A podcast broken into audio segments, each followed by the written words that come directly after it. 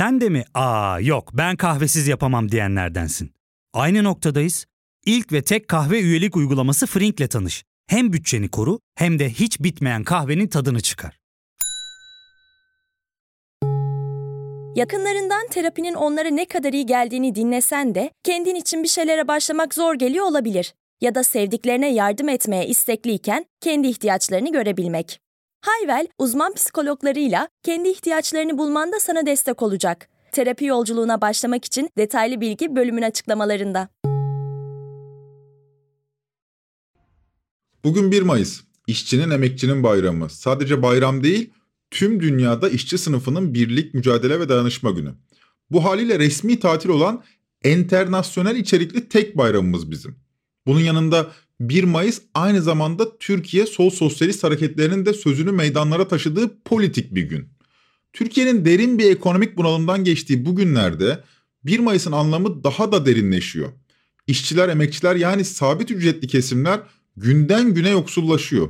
Fakat farkında mısınız? Geçmişe nazaran cılız geçiyor 1 Mayıs'lar. Halbuki tam tersinin olması gerekmez miydi? Bu bölümde işte bu yüzden 1 Mayıs konuşuyoruz. Ben Ozan Gündoğdu, hadi başlayalım.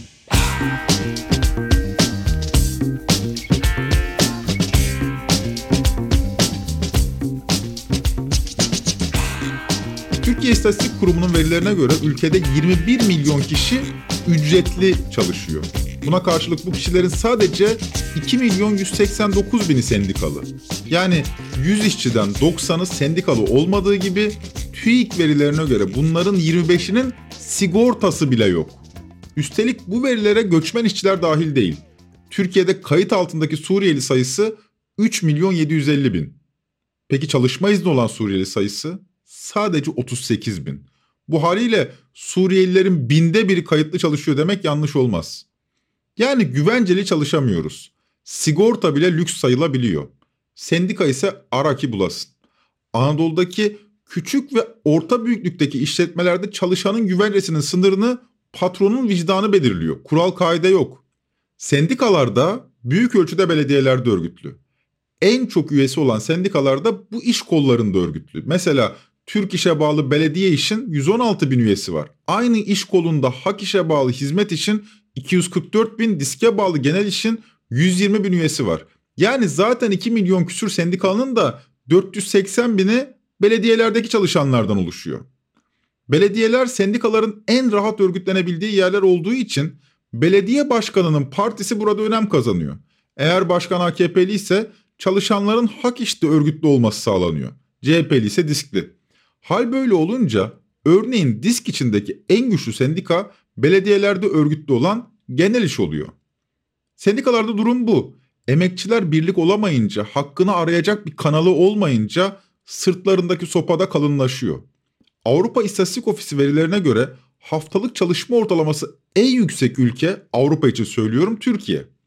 Bizim ülkemizde bir işçi haftada ortalama 48.7 saat çalışıyor.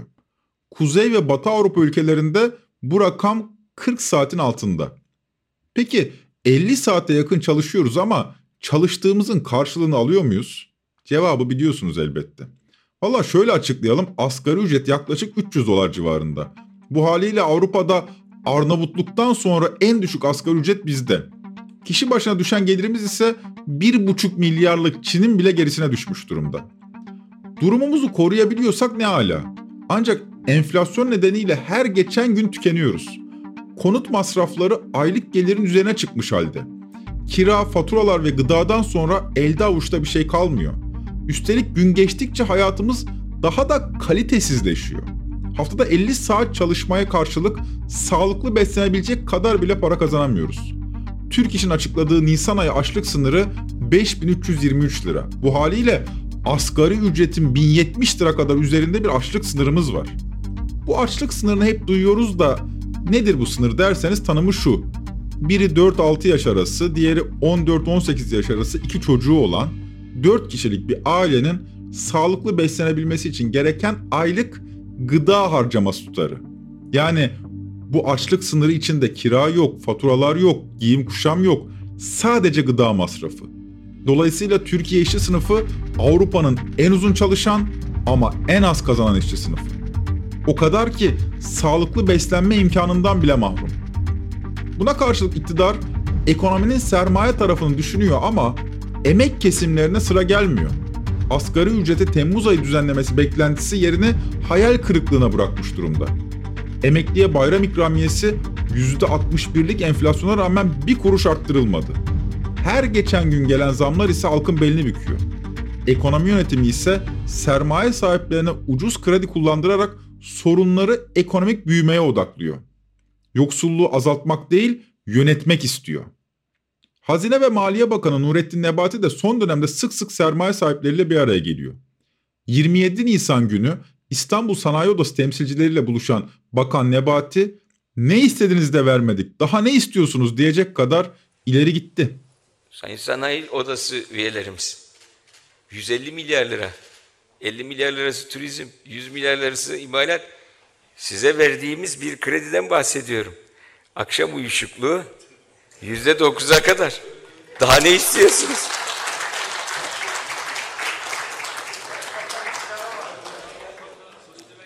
Yes. Siz istiyorsunuz. Sayın Cumhurbaşkanımızın önderliğinde sizlere arz ediyoruz. Siz istiyorsunuz biz yapıyoruz diyor Bakan Nebati patronlara. Fakat işçinin emekçinin istekleri duyulmuyor. İşçi deyince beyaz yakalılar bu kaydı metroda dinleyen bankacılar, belki eve dönüş yolundaki mühendisler, özel okullardaki öğretmenler genelde pek üstüne alınmıyor. Halbuki bu kesimler de giderek işçileşiyor. Eskiden orta sınıf olarak tanımlanan bu kentli meslek sahibi ücretli kesimlerin sınıfsal konumları tümüyle tükenmiş durumda. Hem ekonomik olarak hem sosyolojik olarak. Orta tabaka ev araba satın alabilen, tatile gidebilen, mobilyasını yenileyebilen bir kesimde eskiden. Şimdi kış aylarında kombiyi kısmaya, yemeklerindeki kaliteyi düşürmeye başladı. Peşrevi geçelim. Halimiz ortada. İyi de böyle bir atmosferde sol hareketlerin, sol partilerin güçlenmesi, taleplerin daha görünür olması gerekmez mi? İşçinin, emekçinin hakkı üzerine kurulu sınıf siyasetinin güç kazanmasını beklemek yanlış mı olurdu? Sanırım hak verirsiniz bana. Türkiye solu uzun zamandır siyaset sahnesindeki yerini giderek kaybediyor. Parlamenter siyasetin 1980'den sonra neredeyse hiç öznesi olamadı Türkiye solu. Ama toplumsal muhalefetin başat gücü uzun yıllar Türkiye soluydu. 2000'li yıllardaki 1 Mayıslar yüz binlerle kutlanıyordu. Taksim tartışmaları günlerce sürüyordu. 1977 1 Mayıs katliamının 30. yılında Taksim'e çıkalım demişti disk.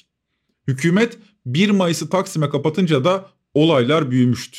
İşte görüyorsunuz göstericilerle polis arasında sadece birkaç metre var. Ne zaman nasıl müdahale edileceği henüz belli değil ama polis yine gaz maskelerini hazırladı. Her an yeni bir göz yaşartıcı bomba ya da gaz bombası atılabilir. Ertesi yıl emek güçleri Türk İş, Disk ve KESK Taksim'i İstanbul Valiliğinden yeniden talep etti. Bunun ardından dönemin Başbakanı Tayyip Erdoğan'ın sözleri emekçilerin hafızalarına kazındı. Ayakların başları yönettiği yerde kıyamet kopar diyordu 2008 Nisan'ında Tayyip Erdoğan. İstediğiniz yerde yaparız anlayışına olumlu bakmaz. Niye bakmaz? Çünkü bugün bu böyle başladığı zaman yarın bunun arkası farklı bir şekilde gelir. Değerli arkadaşlar, ayakların başları yönettiği bir yerde kıyamet kopar. Ya fark ettin mi? Biz en çok kahveye para harcıyoruz. Yok abi, bundan sonra günde bir. Aa, sen Frink kullanmıyor musun? Nasıl yani? Yani kahvenden kısmına gerek yok.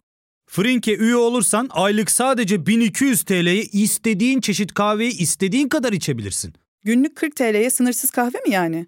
Çok iyiymiş. Aynen. Hatta şu anda 200 TL'lik bir indirim kodu da var. E hadi hemen indirip üye ol da bu fırsatı kaçırma. Terapiye başlamak, içinden çıkamadığın döngüleri kırmak, bazı yanlış bulduğun kararlarını değiştirmek ve kendinle beraber daha huzurlu bir yaşam inşa etmek için atabileceğin en değerli adımlardan biri. Hayvel ile yoğun yaşam tempona uyum sağlayarak online terapi seanslarını takvimine göre ayarlayabilirsin. Bini aşkın uzmandan sana en uygun terapisti seçebilir, podb10 koduyla indirimden yararlanabilirsin. Detaylı bilgi açıklamalardaki bağlantıda. Taksim tartışması 2009'da da devam etti. 2010'da hükümet Taksim'i nihayet 1 Mayıs kutlamaları için açtı. Taksim Meydanı'na 3 ana yoldan giriş yapıldı. Gümüşsuyu, Mecidiyeköy Şişli ve Tarlabaşı Bulvarı. Türkiye genelinde 1 Mayıs Emek ve Dayanışma Günü'nü tam bir bayram havasında kutladık. 32 yıl aradan sonra dün Taksim Meydanı 100 bini aşkın işçiyi, memuru ağırladı. Bu yıllar özellikle 2011 ve 2012 yılı 1 Mayıs'ların tarihi içindeki en coşkulu kutlamaya tanık oldu. Küba'nın ardından en yüksek katılımlı 1 Mayıs Taksim'de kutlandı. Keza 2012'de aynı şekilde. Fakat 2013'te Gezi'den bir ay önce Taksim yine işçilere kapatıldı. İstanbul Valisi Hüseyin Avni Mutlu inşaat gerekçesiyle Taksim'in kutlamalara kapalı olduğunu açıkladı. Taksim yolu yine çatışmalara sahne oldu. 1 Mayıs'ın Taksim'de kutlandığı son yılda böylece 2012 oldu. Yani 10 yıl olmuş. Peki bugün Nakliyat İş, Umut Sen, İnşaat İş, Halkın Kurtuluş Partisi, Mücadele Birliği Platformu, Devrimci Gençlik Dernekleri, Gençlik Komiteleri, Emeğin Gücü İşçi Temsilcileri Konseyi 1 Mayıs'ta Taksim'de olacaklarını açıkladı. Bu gruplar Taksim'e yürümeyi deneyecekler ve muhtemelen polis müdahalesiyle karşılaşacaklar ve gözaltına alacaklar. Listenin uzun olduğuna bakmayın, çok kalabalık gruplar değiller. Emekçilerin ana gövdesini oluşturan DİSK, KESK, TUMOP ve TTB ise İstanbul Maltepe'de olacak. Buna karşılık her yıl olduğu gibi Taksim'e çıkan kazancı yokuşunda 77 1 Mayıs'ta kaybedilenleri andılar. Disk Başkanı Arzu Çerkezoğlu buradaki konuşmasında bu seneki 1 Mayıs'ı Maltepe'de kutlayacaklarını ama Taksim kararlılığından da vazgeçmeyeceklerini duyurdu. 1 Mayıs meydanı Taksim meydanıdır. 1 Mayıs'ta sadece İstanbul'un değil, dünyanın, Türkiye'nin gözü kulağı 1 Mayıs meydanındadır.